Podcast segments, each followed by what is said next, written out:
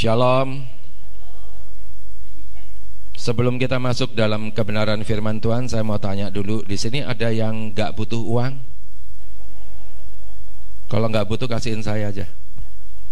Kita pasti butuh uang, butuh pekerjaan, butuh mobil, butuh rumah, butuh segala macam pokoknya kebutuhan. Tapi saya mau ngomong sama saudara, kebutuhan kita yang terutama itu Tuhan Yesus.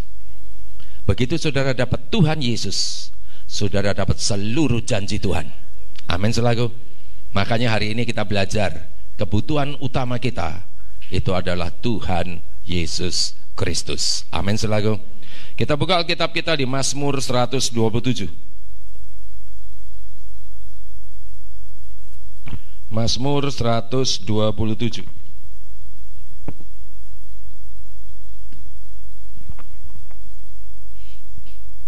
Mazmur 127 itu cuma 5 ayat saja.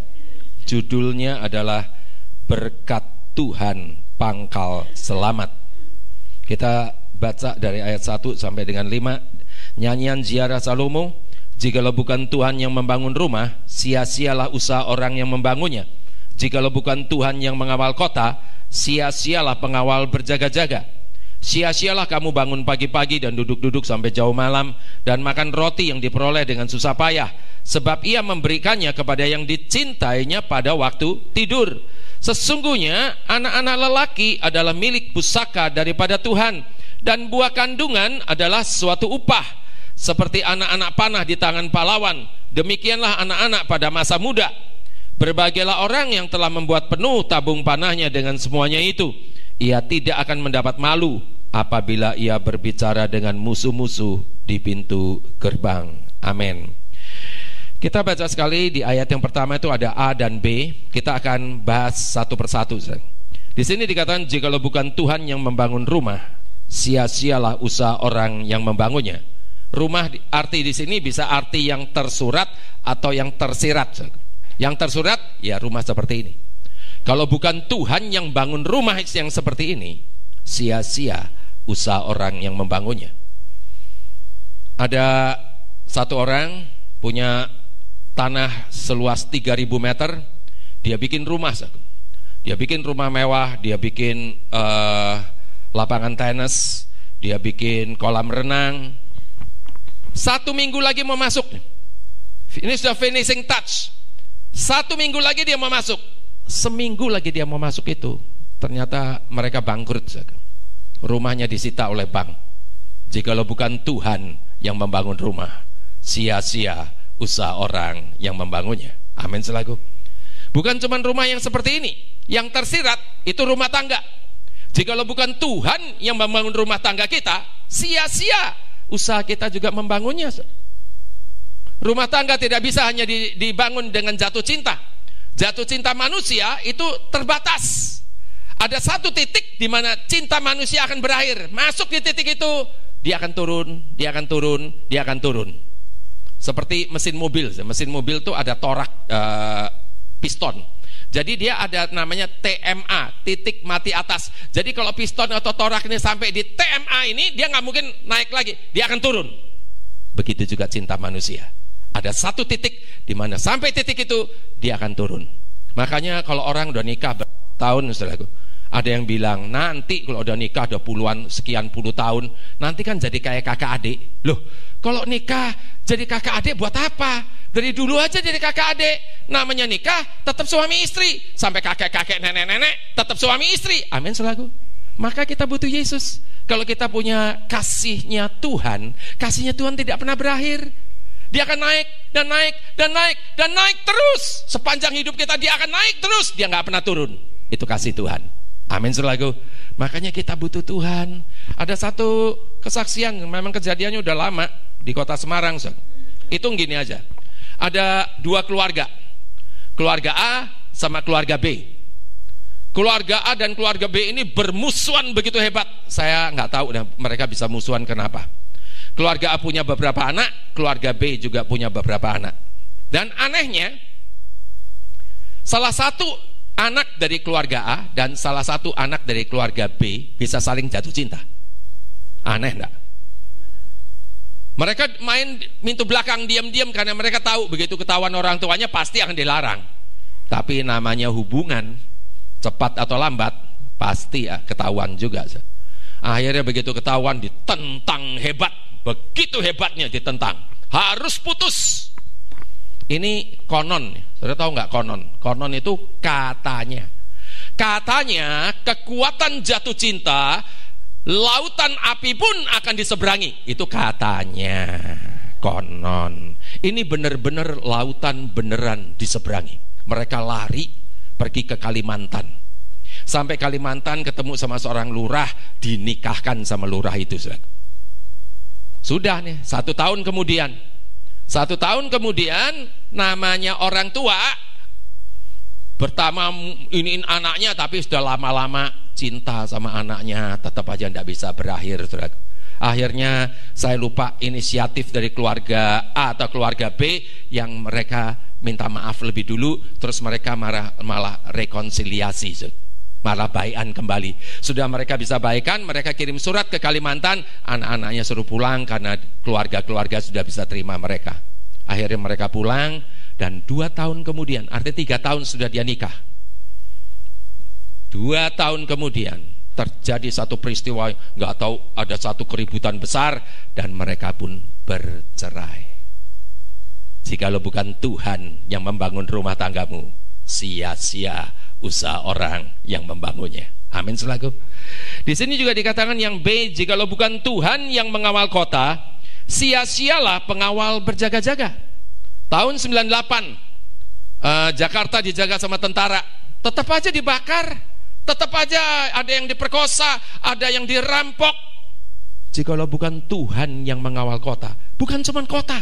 Jikalau bukan Tuhan yang mengawal rumah tanggamu, jikalau bukan Tuhan yang mengawal suamimu, yang mengawal istrimu, yang mengawal anak-anakmu, yang mengawal hidupmu, sia-sia kita mengawalnya juga. Ini ada satu kesaksian lagi, tapi memang udah lama saya tahun sekitar sekitar tahun 1960-an. Kejadiannya di Eropa. Ada satu keluarga dari kelas menengah, kelas menengah lah. Waktu itu musim dingin, istrinya masak air. Sen. Istrinya bilang sama suaminya, ah, suamiku, kamu apa nggak lebih baik pergi ke ke kota untuk beli makanan kecil. Nanti ini uh, air panas sudah selesai, kita bikin teh, kita bisa makan uh, minum sama makanan kecil. Suaminya pergi ke kota, dia beli makanan-makanan kecil. Baru mau pulang, orang-orang ribut di depan. Ribut-ribut lagi tanya kenapa ada kebakaran. Kebakarannya daerah dia. Jadi dia cepat-cepat pulang. Ternyata rumahnya yang kebakaran. Zat. Saya nggak tahu tahun 1960-an itu mungkin kompor tidak secanggih sekarang. Kompornya penuh dengan minyak, meledak. Minyaknya nyemprot ke mana-mana, langsung kebakar.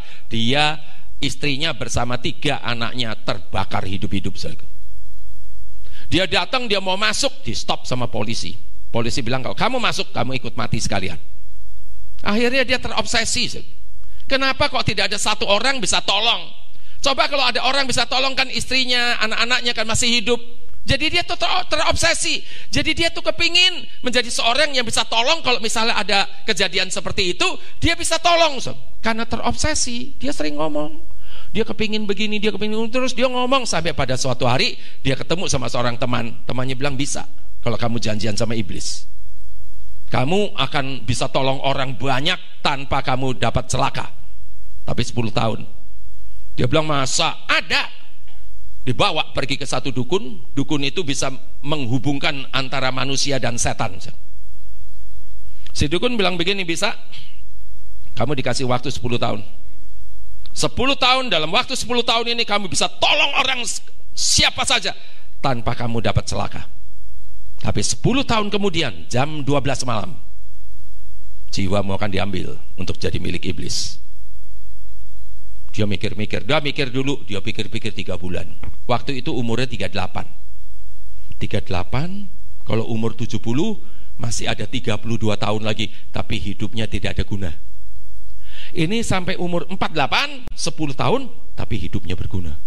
Mikirnya, berguna, tidak berguna, berguna, tidak berguna. Akhirnya tiga bulan kemudian dia mikir daripada hidup lama nggak ada gunanya, mendingan 10 tahun tapi ada gunanya. Dia pilih. Perjanjiannya pakai darah, saya nggak tahu darahnya diapain. Pakai darah, terus sudah, sudah dia pulang. Beberapa hari kemudian dia dengar di pelabuhan ada kapal pesiar kebakaran.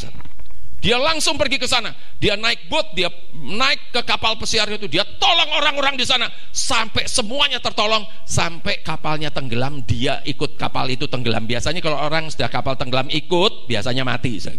Ini bisa keluar juga.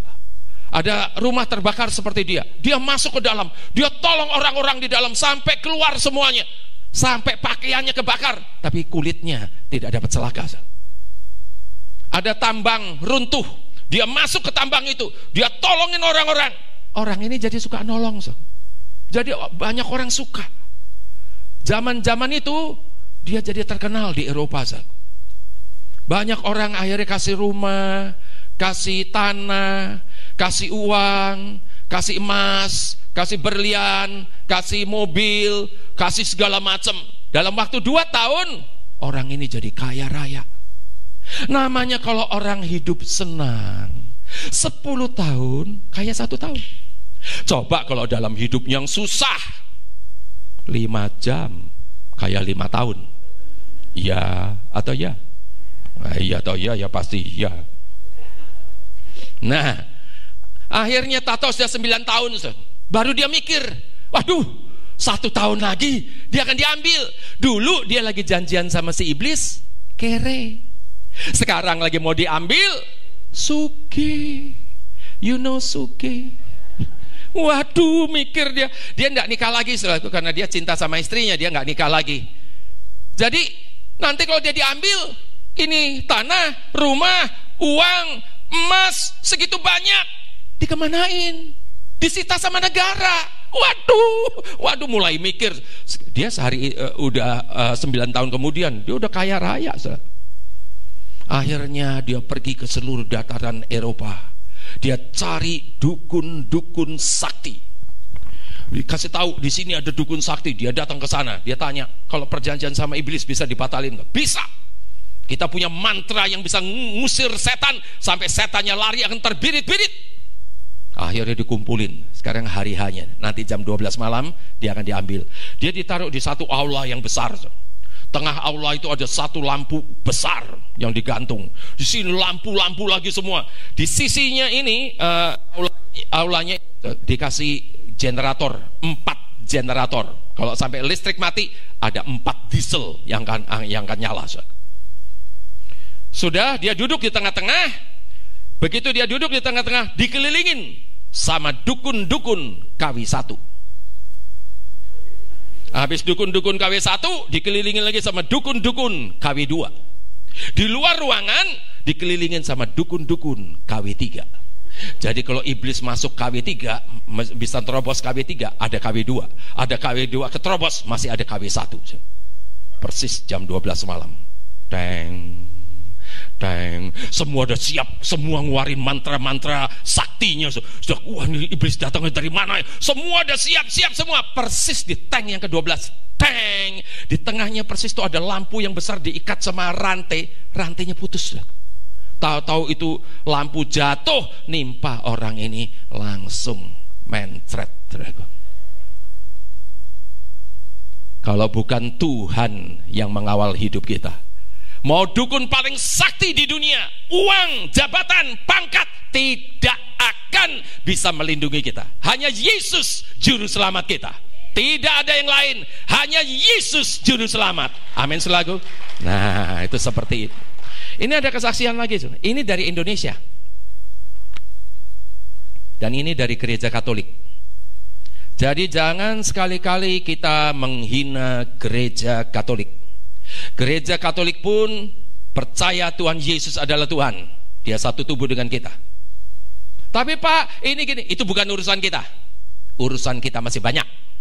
Jangan ngurusi gereja orang lain. Gereja kita urusannya juga masih banyak. Amin selaku. Kalau di sini ada Tuhan Yesus, artinya gereja Katolik pun ada Tuhan Yesus di sana. Amin selaku. Nah, ada saya lupa ya, tapi uh, kotanya tuh di mana? Itu kota kecil soalnya. Itu kalau nggak salah di dekat Kediri. Ada kapel, ada kap, kapel tuh gereja kecil Katolik di sana. Umatnya cuman sedikit. Salah satu umatnya itu adalah petani. Si petani ini punya anak tiga, punya beberapa petak sawah. Jadi dia kalau mau beliin anaknya baju, mau beliin sepatu, mau beliin apa, dia harus panen dulu.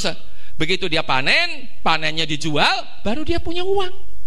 Lah nunggu panen itu berapa bulan? Ada tengkulaknya sudah. Jadi tengkulaknya sudah udah bilang nanti e, itu nanti saya borong semua. Jadi dia kalau butuh uang, dia utang sama si tengkulak utang sekian, nanti utang sekian, nanti utang sekian, nanti begitu padinya panen, hitung-hitungan, uangnya tinggal dikit. Saksi hidup itu anak pertamanya. Begitu susahnya orang tuanya nyekolahin sampai SMA, mau kuliah udah nggak nggak udah nggak bisa. Akhirnya cuma sebatas SMA saja. Begitu dia lulus SMA, dia terobsesi dia nggak kepingin jadi kayak orang tuanya miskin, utang sana, utang sini, mau beli ini susah, mau beli itu susah. Dia kepingin kaya, dia kepingin kaya. Akhirnya begitu dia lulus SMA, dia langsung pergi ke Jakarta. Dia kerja di Jakarta sekian tahun, ya tetap aja biasa-biasa.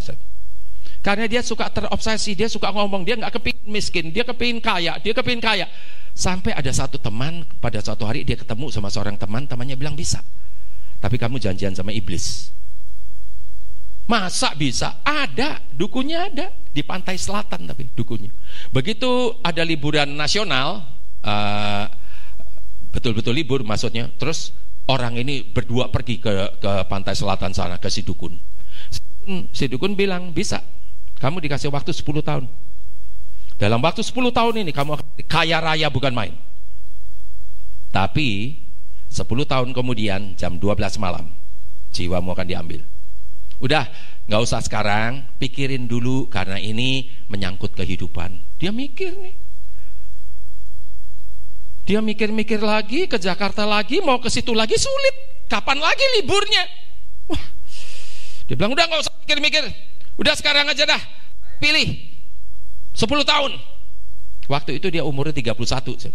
Dia pikir 31 sampai 41 tapi suge. Daripada umur 70, 80, kere. Ayo pilih mana? Kere apa suge?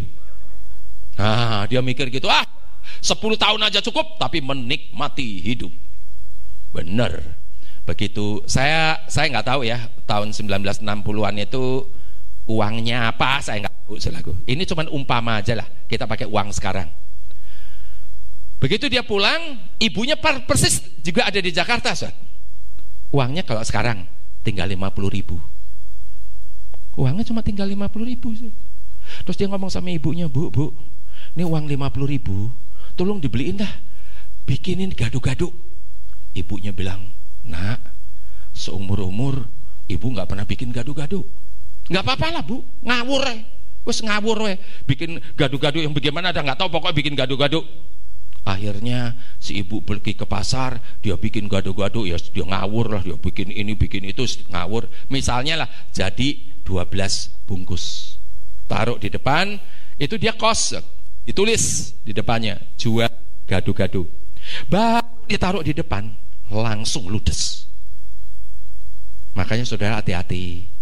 Kalau pergi ke mana-mana, makanan ndak enak, tapi dimakan iso enak, hati-hati. Hati-hati selaku. Nah. Begitu dia habis dia bikin lagi jual lagi laku lagi bikin lagi laku lagi. Dalam waktu satu tahun tempat kosnya dia bisa dibeli. Masuk tahun kedua sebelah dibeli. Dia tetap bikin warung gado-gado di sebelah dia bikin uh, toko bahan bangunan laris manis. Namanya kalau ada asli, itu mesti dipalsu. Misalnya, dia bikin warung gado-gado terang bulan. Nanti yang sebelah akan bikin lagi warung gado-gado terang bulin. Hmm, misalnya selalu. Dibikin hampir sama, di, di Jadi ada banyak, nanti warung gado-gado, ada uh, toko bahan bangunan, ada banyak, tapi nggak laku. Yang laku tempatnya dia. Dalam waktu dua tahun, suge, suge kalau orang Surabaya bilang suge pol. Mercedesnya ada beberapa, belum mobil yang lain, yang lain, yang lain seperti itu. Namanya dia kaya raya akhirnya dia bisa dapat seorang istri yang cantik dan seksi. Namanya orang kalau hidup enak, 10 tahun kayak satu tahun. Akhirnya sudah 9 tahun mulai mikir dia. Waduh, dulu lagi janjian sama si iblis, kere. Sekarang suki, wah mikir dia, aduh, nanti satu tahun lagi dia diambil, aduh, uangnya segitu banyak, istrinya masih muda, aduh masih ada banyak laki-laki yang suka, waduh, kalau dia mati, istrinya kawin lagi, laki-laki itu yang menikmati hartanya, waduh, mikir dia saudara. Akhirnya dia stres berat. Istrinya sampai bilang, lo kamu tuh kenapa? Dia nggak cerita sama istrinya. Kamu tuh kenapa? Dia nggak tahu kenapa gitu. Sampai akhirnya tinggal tiga bulan kemudian. Dia ngomong sama istrinya, aku mungkin stres karena karena mungkin kerjaan atau gimana dia alasannya itu. Apa lebih baik aku tak istirahat di rumah orang tuaku? Istrinya bilang ya kalau itu memang bisa bikin kamu lebih baik ya sudah nggak apa-apa. Akhirnya dengan naik Mercedesnya dia pulang ke desanya, disambut sama ibunya Begitu lagi turun, mukanya ternyata muka stres berat. Ibunya sampai lo, kamu tuh kenapa nak? Kamu tuh kenapa? Kamu tuh orang anak yang terhebat, bisa naikin harkat orang tua. Lo mukamu tuh kenapa? Dia bilang, ibu nggak tahu sih. Nggak tahu apa. Dia cerita, 10 tahun yang lalu, dia janjian sama iblis. Wah, ibunya langsung pergi ke sawah, manggil si bapak. Bapaknya datang diceritain. Bapaknya ngomong gini, Nah, kamu lihat kita, kita hidup miskin, tapi kita bahagia. Kita seorang Katolik, kita hanya percaya sama Tuhan Yesus, tidak ada yang lain. Kita tetap hidup berbahagia. Coba kamu lihat, kamu sendiri. Pada waktu kamu lulus SMA, kamu pergi ke Jakarta, kamu pergi, pernah pergi ke gereja, kaget dia. Iya loh, Seumur hidup tidak pernah lagi ke gereja sejak lagi SMA dia lulus pergi ke Jakarta, tidak pernah ke gereja. Natal pun tidak pernah datang. Waduh, bapaknya bilang begini, nak, di dunia ini tidak ada satupun yang bisa tolong kamu kecuali Tuhan Yesus. Bertobat kamu, balik ke Tuhan. Dia mulai mikir, iya ya, kok nggak kepikir ya? Di situ ada kapel kecil, saudaraku. Jam 5 pagi besoknya, jam 5 pagi dia pergi ke kapel itu, ada Pak Bon di sana dikasih uang, suruh bukain, dia mau doa, dia doa di sana, doa seorang Katolik. Doanya cuman Tuhan, ampuni aku, tolong aku, ampuni aku, tolong aku, ampuni aku, tolong aku. Doanya cuma gitu aja setelah. Tapi dia berpuasa. Mulai tiga bulan itu dia berpuasa. Dia uh, jam 5 masuk di kapel itu sampai jam 4 sore. Kadang-kadang sampai jam 6 sore. Kadang-kadang sampai jam 7 sore. Seperti tiap hari tiga bulan doa puasa sampai kurus kering. Hari hanya Nanti jam 12 malam dia akan diambil. Jam 4 dia ada bangun. Dia ada pergi ke gereja itu lagi, dia berdoa, dia sungguh-sungguh dia berdoa, berpuasa, dia doa, dia doa, karena dua tiga bulan doa puasa, capek dia. Waktu masuk di, di jam setengah sepuluh malam, ketiduran dia, tiduran. Persis jam 12 malam, teng, teng. Dia dapat kasih karunia, seperti mimpi. Tahu-tahu rohnya ditarik sama Tuhan ke depan. Jadi ini kalau gereja, ini ada pintu gereja, terus di luar kan ada pintu gerbangnya, the gate. Not the door, but the gate. Nah, ini pintu dia dia berdiri persis di depan pintu gereja. Dia bisa lihat dari jarak jauh ada makhluk kayak orang gitu tingginya sekitar 3 meter setengah pakainya baju hitam-hitam semua, mukanya nggak kelihatan ketutupan sama seperti jas hujan itu loh. Ditutupin mukanya kelihatan hitam tok, pakai pedang hitam lagi jalan. Dia ada ketakutan bukan main so. Di depan di pintu gerbang ini ternyata ada dua makhluk seperti dia tapi pakai baju putih-putih. Malaikat Tuhan, pakai pedang putih juga, tingginya sama. Dua dua malaikat. Si iblis lagi mau masuk dia bilang, "Hei iblis, mau ke mana kamu?" Kaget iblis. Uh, saya mau masuk, saya mau ambil itu milik saya di sana. Malaikat Tuhan bilang, tiga bulan yang lalu itu milikmu. Tapi hari ini dia ada jadi milik Yesus Kristus. Kalau kamu masuk, kamu berhadapan dengan kami. Oh, enggak, enggak, enggak, enggak. Saya kok nggak tahu ya. Kok dia dia jadi milik Kristus? Ya udah, udah. Saya pulang. Iblis pulang. Jam setengah lima dia sadar. Dia lagi bangun, kaget dia. Waduh, sudah di neraka apa di mana? Ternyata dia ada di gereja. Hari itu dia tahu Yesus penolong yang luar biasa, sumber kehidupan. Tepuk tangan yang meriah untuk Tuhan Yesus. Dia dahsyat, dia luar biasa. Habis itu dia sungguh-sungguh dia bertobat jago. Mercedesnya, mobil semuanya, rumahnya, tanahnya dijual semua. Sampai pakaian yang dia pakai jual sampai dia pinjem sama orang tuanya untuk beli pakaian. Semua anak-anaknya semua semuanya baru, bukan yang dari lama. Buangin semua, disumbangkan ke panti asuhan, ke panti jompo, ke mana-mana, sumbangin semua. Dan dia hidup sungguh-sungguh, dia benar-benar sama Tuhan. Dalam waktu tidak sampai tiga tahun, kekayaannya melebihi daripada yang datang dari iblis. Tepuk tangan yang meriah untuk Tuhan Yesus. Makanya saya bilang kita kebutuhan utama kita Tuhan Yesus. Masalah apa saja bersama dengan Tuhan, Tuhan sanggup bukti in masalah jadi mas Allah. Beda nggak? Masalah sama mas Allah tuh jadi berkat. Amin selagu. Nah, itu sampai seperti itu. Sekarang kita baca di ayat yang kedua.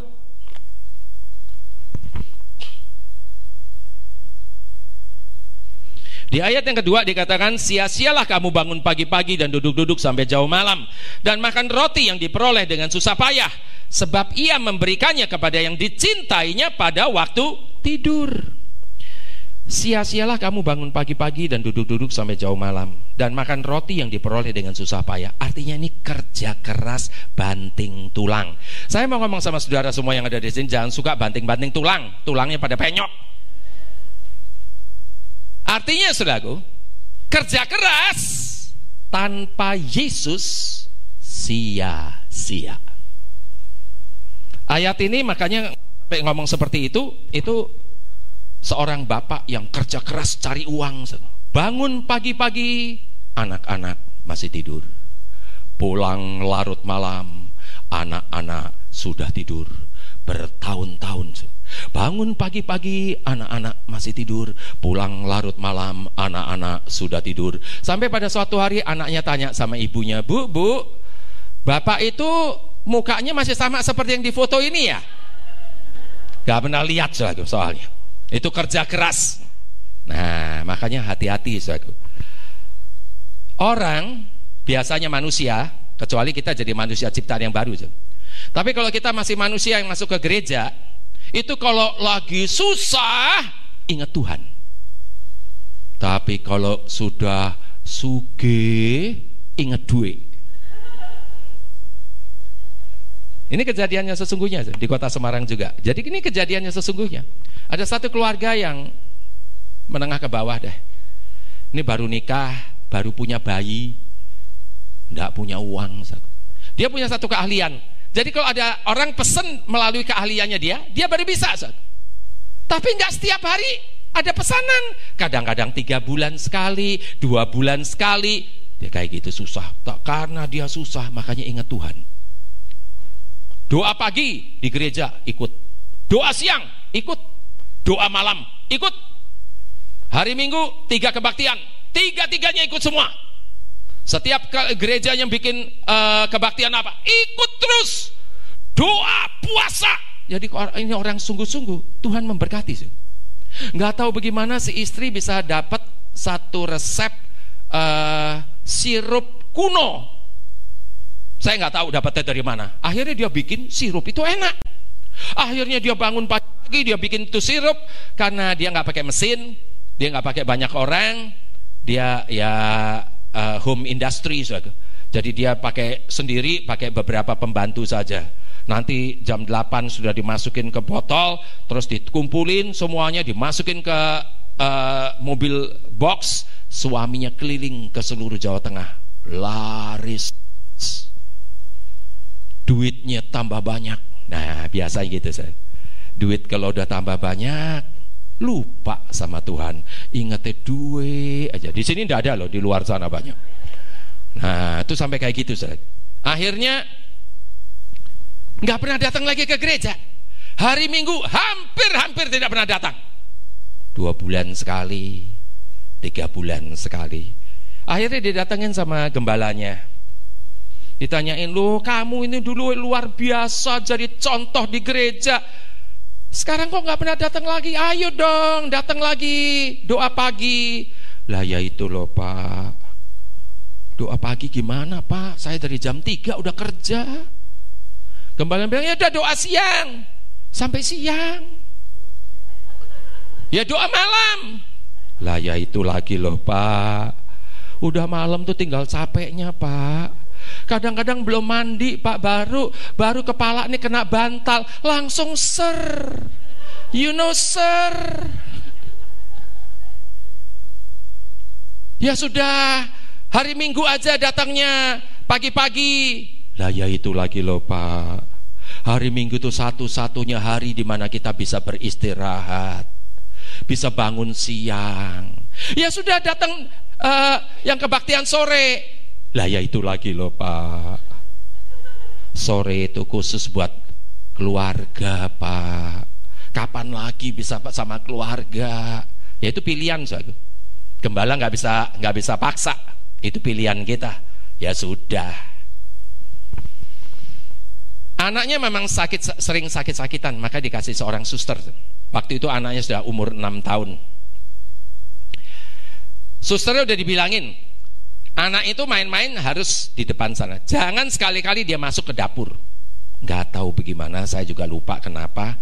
Mungkin suster lagi ngangkat telepon si anak lagi lari-lari-lari masuk ke dapur si si istri lagi masak sirup lagi si anak masuk istrinya bilang eh si ibunya dibilang eh stop stop jangan ke sini kaget anaknya kepleset nyemplung ke sirupnya masih panas dah ibunya nolong ya ibunya luka bakar juga ya namanya nyemplung itu di atas 100 derajat celcius ya mateng sudah tahu ibu dan bapaknya masuk rumah sakit jiwa. Buat apa? Nyari uang nggak udah akhirnya kayak gini buat apa? Kerja keras tanpa Yesus sia-sia. Ada lagi so, kejadiannya di Jakarta. Ini orang kaya. Anak cuma satu-satunya anak laki. Tapi luar biasa anak laki ini. Dari SD, SMP, SMA juara satu.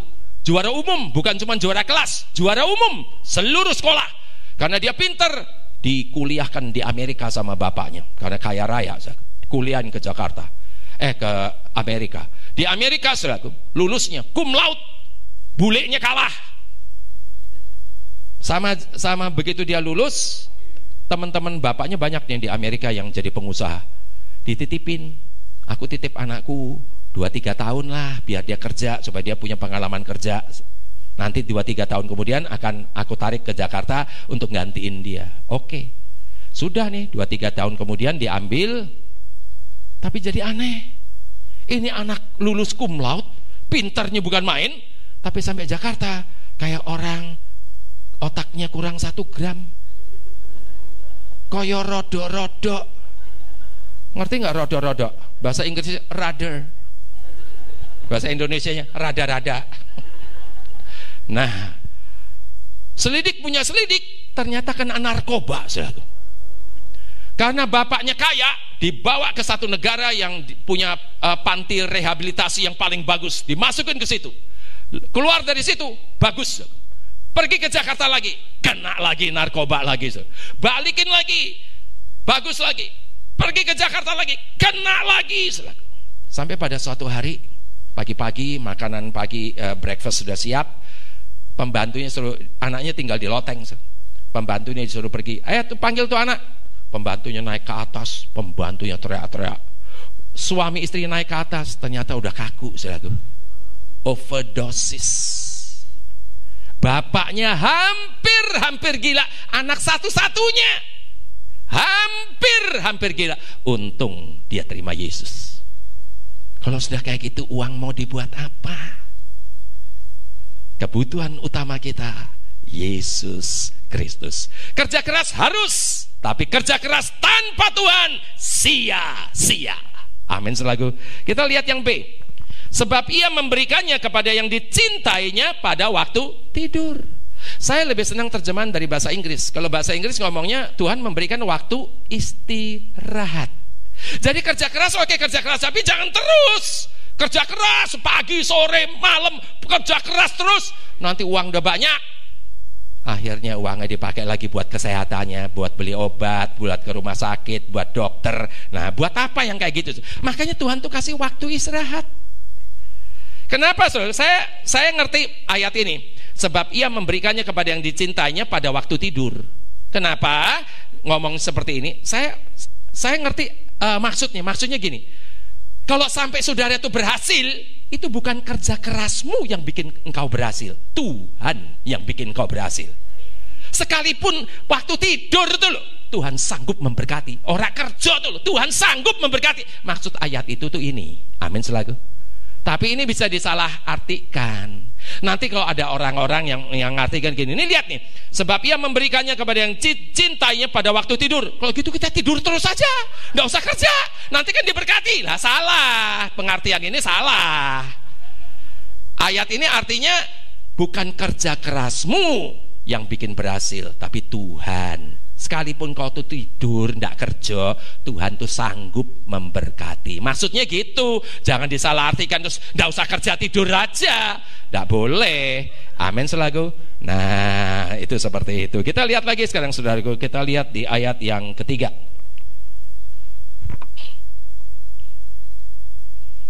Di ayat yang ketiga dikatakan sesungguhnya anak-anak lelaki adalah milik pusaka daripada Tuhan. Amin. Kok nggak ada yang amin ya? Artinya saudara kurang dengar, tak baca sekali lagi. Sesungguhnya anak-anak lelaki adalah milik pusaka daripada Tuhan. Amin. Amin. Tenane. Bersyukur kita di sini yang laki-laki. Karena anak laki-laki milik pusaka daripada Tuhan. Anak perempuan milik pusaka sopo, mbu. Loh, ayat ini kalau kita uh, telan mentah-mentah sepertinya tidak adil.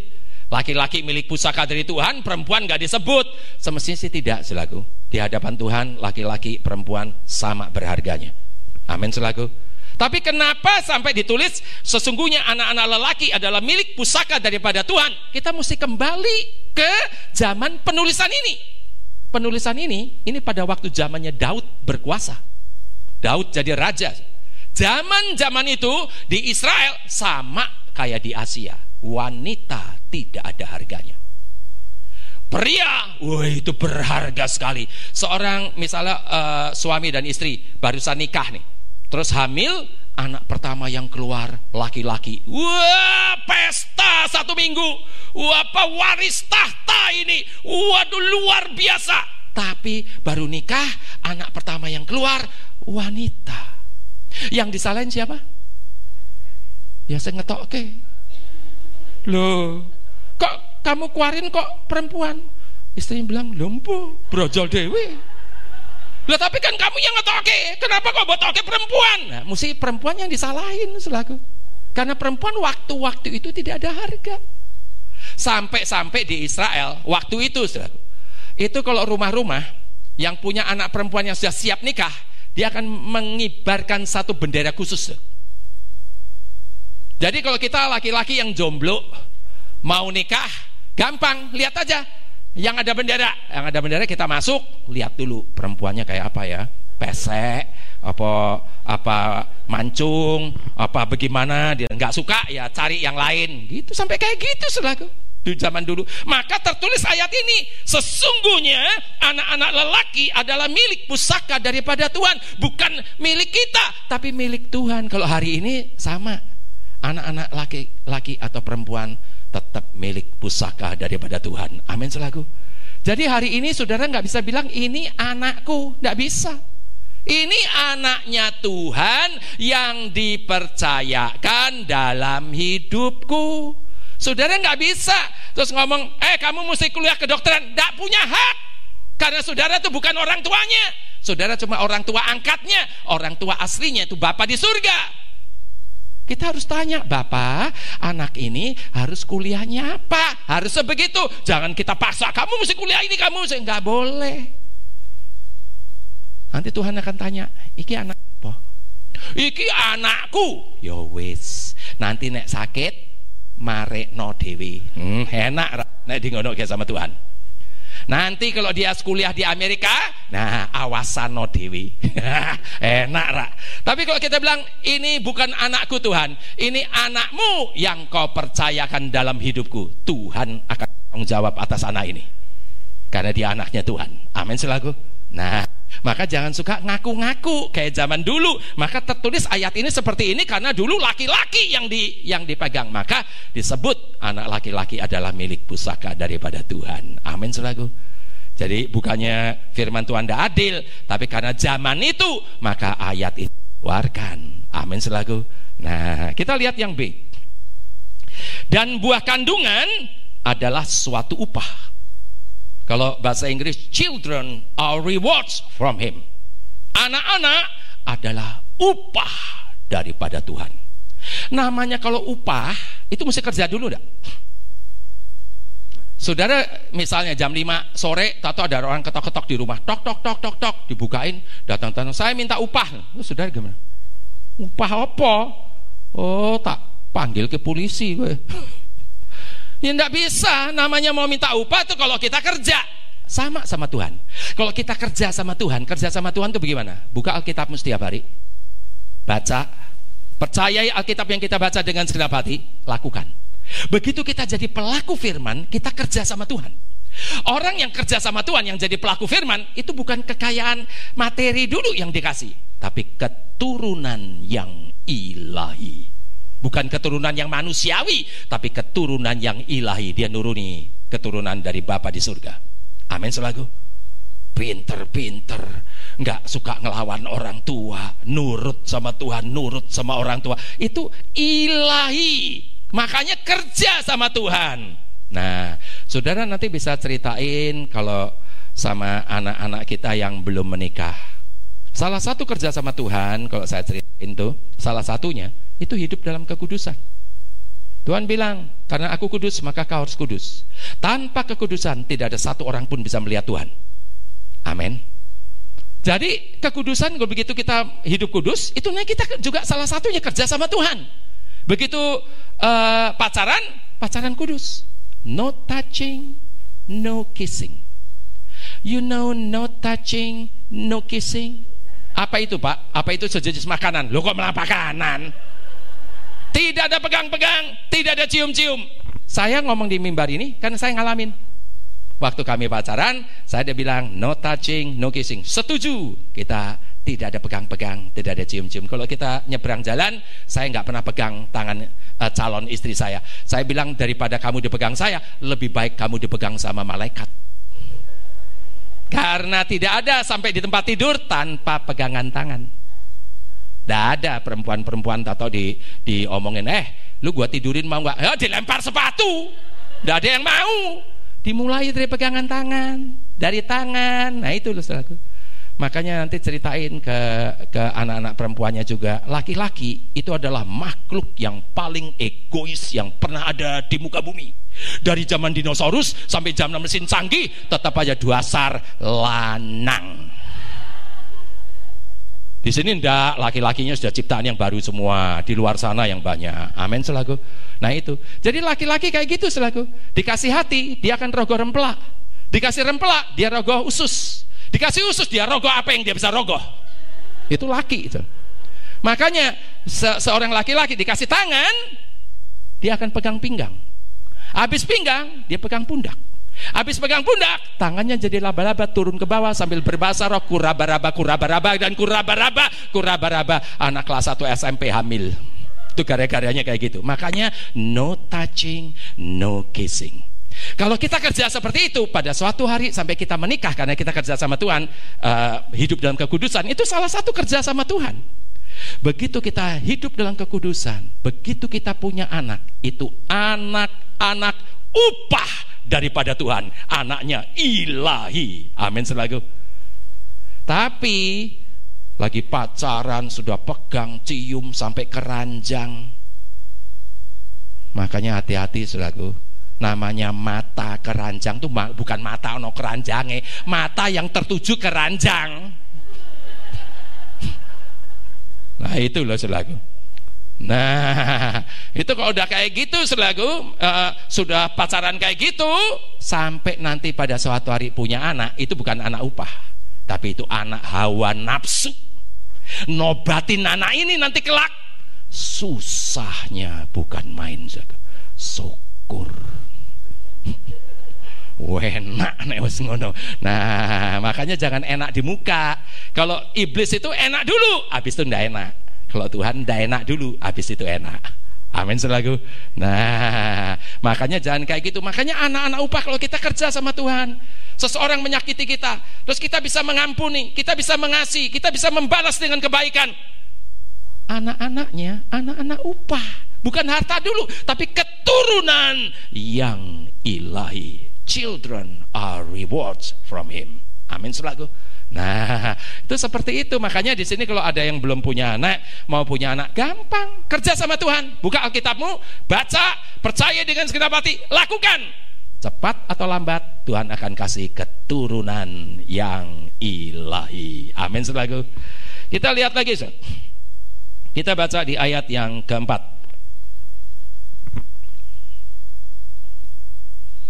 Di ayat yang keempat dikatakan seperti anak-anak panah di tangan pahlawan Demikianlah anak-anak pada masa muda. Jadi saya lebih senang terjemahan dari bahasa Inggris. Kalau bahasa Inggris dikatakan like a sharp arrows in the hand of a warrior. Bahasa Inggris nggak pakai kata a hero, tapi dia pakai a warrior. Warrior itu apa? Petarung, pendekar, petarung, bukan uh, pahlawan. Kalau pahlawan, wartawan pun bisa jadi pahlawan pena. Dengan tulisannya dia bisa bikin musuh kalang kabut. Dengan tulisannya dia bisa bikin tentaranya sendiri jadi berkobar-kobar semangatnya. Itu pun pahlawan, tapi dijotos sekali kelenger. Karena dia bukan petarung. Saya lebih senang terjemahan dari dikatakan petarung. Seorang petarung itu mesti dilatih. Saya dulu ini petarung. Saya dan dua karate dan saya juga petinju dulu. Papi saya ngelatih saya dari umur 4 tahun dilatih. Karena dulu rumah saya dekat sama Senayan jadi saya lari di Istora Senayan umur 4 tahun saya udah lari. Disuruh lari suruh skipping. Saya masih ingat pertama kali skipping. Celot kena nyangkut nyangkut tak banting skippingku sampai dilatih yang salah kakinya loh skippingnya dibanting. Saya masih ingat so. skipping sampai akhirnya bisa sampai satu hari itu skipping 3500 kali so belum lagi nanti narik per eh, narik pertama kali dulu lagi masih kecil sama papi saya dikasih eh, karet ban. Tarik satu. Ini ini nggak boleh nggak boleh begini jadi lurus satu dua tiga empat bisa udah gampang double dua bisa lagi double tiga double empat double lima ganti dilebarin karetnya satu lagi bisa lagi double lagi sampai lima lagi ganti per per satu terus tambah dua, tambah tiga, tambah empat, tambah lima. Jadi pukulannya cepat. Saya terlatih. Masuk kelas 1 SMP, saya ikut karate. Jadi kalau dulu cuma tangan tok, sekarang ada tendangan juga. Ada tendangan mutar, ada tendangan ini, tendangan itu, segala macam. Jadi saya latihan. Dan saya ini well trained, terlatih. Sama papi saya dulu, lagi saya masih kecil, saya dilatih pakai bola tenis, dilempar. Pertamanya pelan-pelan, ting, lepas, liwat, di ini liwat, terus di, semakin lama semakin keras, tangkisin, tas, tas, tas. Jadi tangannya itu sudah terlatih sudah. Sampai pada suatu hari si papi saya bilang ini tambah keras lagi, kamu mesti konsentrasi loh, konsentrasi. Saya ingat pada suatu hari saya nggak tahu lagi mikir apa, dilempar kena ini saya, buah, waduh, sini pang, tang, tang kayak gitu. Papi saya sakit nggak? Nggak, nggak. Tiga hari cekot, cekot, cekot. Jadi saya habis lagi, habis itu saya uh, saya betul-betul konsentrasi, dilempar tangkisin semua. Jadi kalau ditendang di ini, tangannya sudah kayak ada mata, so. dilatih dari kecil. Itu petarung, dilatih. Sampai pada suatu hari saya pernah di Jakarta di di stasiun Tanjung Priuk. Sudah tahu stasiun Tanjung Priuk. Sekarang sih aman. Dulu tempatnya apa tuh? Tempat bandit. Datang sana saya pakai kalung emas. Tiga orang. Kalungnya saya bilang ambil sendiri. Begitu datang mau ambil, saya loncat ini lutut kena sininya. Gas, langsung bak matanya putih, tendangan muter. Das, das. Tiga-tiganya geletak. Ini mungkin copot. Tinggal Kenapa? Terlatih. Seorang petarung itu dilatih sama kayak dalam Tuhan. Saya ngomong begini ini untuk untuk ngasih contoh, saudaraku. Jangan habis ini pada berantem semua. Seorang petarung itu dilatih. Begitu juga kalau kita jadi petarungnya Tuhan, kita akan dilatih. Kita bisa pakai tangan kosong, pakai ini, pakai panah. Kita bisa nembak panah, kita tepat sasaran sasarannya Tuhan. Amin selaku. Sedangkan anak-anak itu pada waktu masa muda, waktu dia ikut sama orang tuanya, itu seperti anak panah di tangan kita. Kita yang nembakin, mau anak ini jadi bandit, mau jadi hamba Tuhan, mau jadi apa saja, itu orang tuanya yang nembakin. Makanya orang tua-orang tua harus jadi petarungnya Tuhan supaya kita dilatih. Coba kalau kita bukannya petarung, nggak pernah pegang panah, nggak pernah apa-apa, tak tahu negara lagi perang. Sekarang ini ini misalnya perangnya pakai panah. Nih panah, nih anak panahnya, tuh musuh di sana, ayo sana. Masang panahnya aja nggak tahu. Ini gimana masangnya? Terus narik, narik cuma harus kalau tarik kan harus sampai begini. Ini narik cuma gini, tung terus panah cuma siut, pluk. Karena nggak pernah terlatih tidak dilatih jadi tembaknya nggak tahu caranya gimana udah gitu selaku seorang yang bukan petarung nggak dilatih sama Tuhan itu orang yang suka takut dan khawatir orang yang suka takut dan khawatir itu pengecut bukan bukan petarung Akhirnya apa? Lagi jalan, musuh di mana nggak tahu karena nggak tahu apa-apa nggak pernah dilatih. Lagi jalan tato ada kresek kresek kresek. Terus itu uh, apa uh, rumputnya tato goyang-goyang. Apa itu? Apa itu? Langsung naik pohon. Begitu dia lihat yang keluar tikus. Udah ketakutan sama tikus saja ketakutan. Turun lagi, jalan lagi, jalan lagi. Di sana ada kresek. Heh, siapa itu? Kresek. Heh, Siapa itu? Keresek tembak, jebret temannya sendiri. Karena bukan petarung, jadi tidak pernah dilatih. Kalau kita mau petarung itu bagaimana? Oh, petarung itu adalah orang yang jadi pelaku firman. Begitu kita jadi pelaku firman, kita akan dilatih sama Tuhan untuk jadi petarung. Sampai pada suatu hari kita bisa nembakin anak-anak kita tepat sasaran-sasarannya Tuhan sekolahnya, kuliahnya, sampai jodohnya, sampai pekerjaannya, semua sasarannya Tuhan. Karena kita uh, menembakin tepat ke, ke dalam kehendaknya Tuhan. Tuhan yang bertanggung jawab atas anak kita. Amin selalu. Tapi kalau sampai ini bukan petarung selalu. Lagi mau nembakin anaknya mau ditembakin ke mana ya? Enaknya tembak ke mana ya? Siapa tahu? Lah kalau udah siapa tahu, ya siapa yang tahu?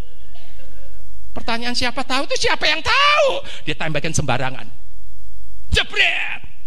Melesat tinggi anaknya. Sampai satu titik dia kena gaya tarik bumi. Turun, turun, turun, turun. Jelep, nancep. Sudah tahu nancepnya di mana? Di sampah-sampah. Di lobang WC. Anak-anak yang jadi sampah-sampah masyarakat. Tukang koruptor, pencuri, rampok, teroris, pemerkosa, maling, narkoba. Itu orang tua yang tidak jadi petarungnya Tuhan. Nggak bisa nembakin tepat ke sasarannya Tuhan. Dia tembak sembarangan. Akhirnya anak-anaknya jadi seperti itu. Saya kalau di Jakarta, so, khotbah bisa tujuh kali. Hari Minggu itu tujuh kali. Ganti pakaian, ganti pakaian. Di mana? Di mobil. Mandi, mandi, mandi keringat Bayangin tujuh kali dari jam 6 pagi itu. Itu kalau sampai di di uh, apa di kolong jembatan kan ada jembatan uh, jalanan kita pas traffic light berhenti. Ada anak umur 7 8 tahun, 7 8 tahun. Mereka untuk beli narkoba nggak bisa. Caranya gimana? Kaleng AIKE bon ditaruh dikasih batu bawahnya dibakar. Begitu asapnya keluar di Anak-anak yang ditembakin bukan kesasarannya Tuhan tuh kayak gitu. Pernah pada suatu hari jalanan macet lagi di Jakarta macet. Saya tanya ada apa? Ada anak umur 10 sama 12 tahun berantem pakai pisau. Sudah berdarah semua. Kalau sampai itu anak mati sampai umur 10 sampai umur 12 terus gunanya apa? Sedangkan seseorang yang lahir dari rahim ibunya itu sudah membawa rencana Tuhan dalam kehidupannya. Siapa pun dia. Amin selalu. Tapi kalau kita nggak bisa nembakin anak kita tepat ke sasarannya Tuhan, jadi akan sia-sia. Makanya mulai hari ini, buka Alkitabmu setiap hari, baca, percaya itu dengan segenap hati, lakukan. Begitu kita jadi pelaku firman, kita akan jadi petarungnya Tuhan. Kita akan dilatih sama Tuhan, bisa nembakin tepat anak-anak kita sasaran-sasarannya Tuhan. Anak pertama mau tembak ke Singapura, kita nurut tembak Singapura. Allah yang bertanggung jawab atas anak itu karena masuk dalam kehendaknya. Anak yang kedua tembak ke Amerika, tembakin ke Amerika. Persis tepat sasarannya Tuhan. Tuhan yang bertanggung jawab atas anak kedua. Anak ketiga tetap di Surabaya dan kita tepat sasarannya Tuhan. Tuhan bertanggung jawab atas anak itu. Karena dalam kehendaknya bukan kehendak kita. Tapi karena kita kaya, terus kita nggak tahu sasarannya Tuhan. Anak kok sekolahin Singapura, wah pronunciationnya jelek. Sekolahin di Amerika, Tuhan maunya di Singapura, kita sekolahin ke Amerika. Saudara akan bertanggung jawab sendiri atas anak itu. Karena itu di luar kehendak Tuhan.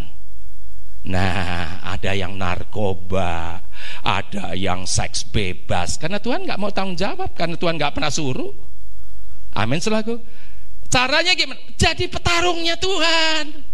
Orang-orang yang jadi pelaku firman itu jadi petarungnya Tuhan. Kita bisa tembakin anak-anak kita tepat sasaran-sasarannya Tuhan. Amin selaku. Kita lihat yang terakhir. Di ayat yang kelima. Di sini dikatakan berbahagialah orang yang telah membuat penuh tabung panahnya dengan semuanya itu.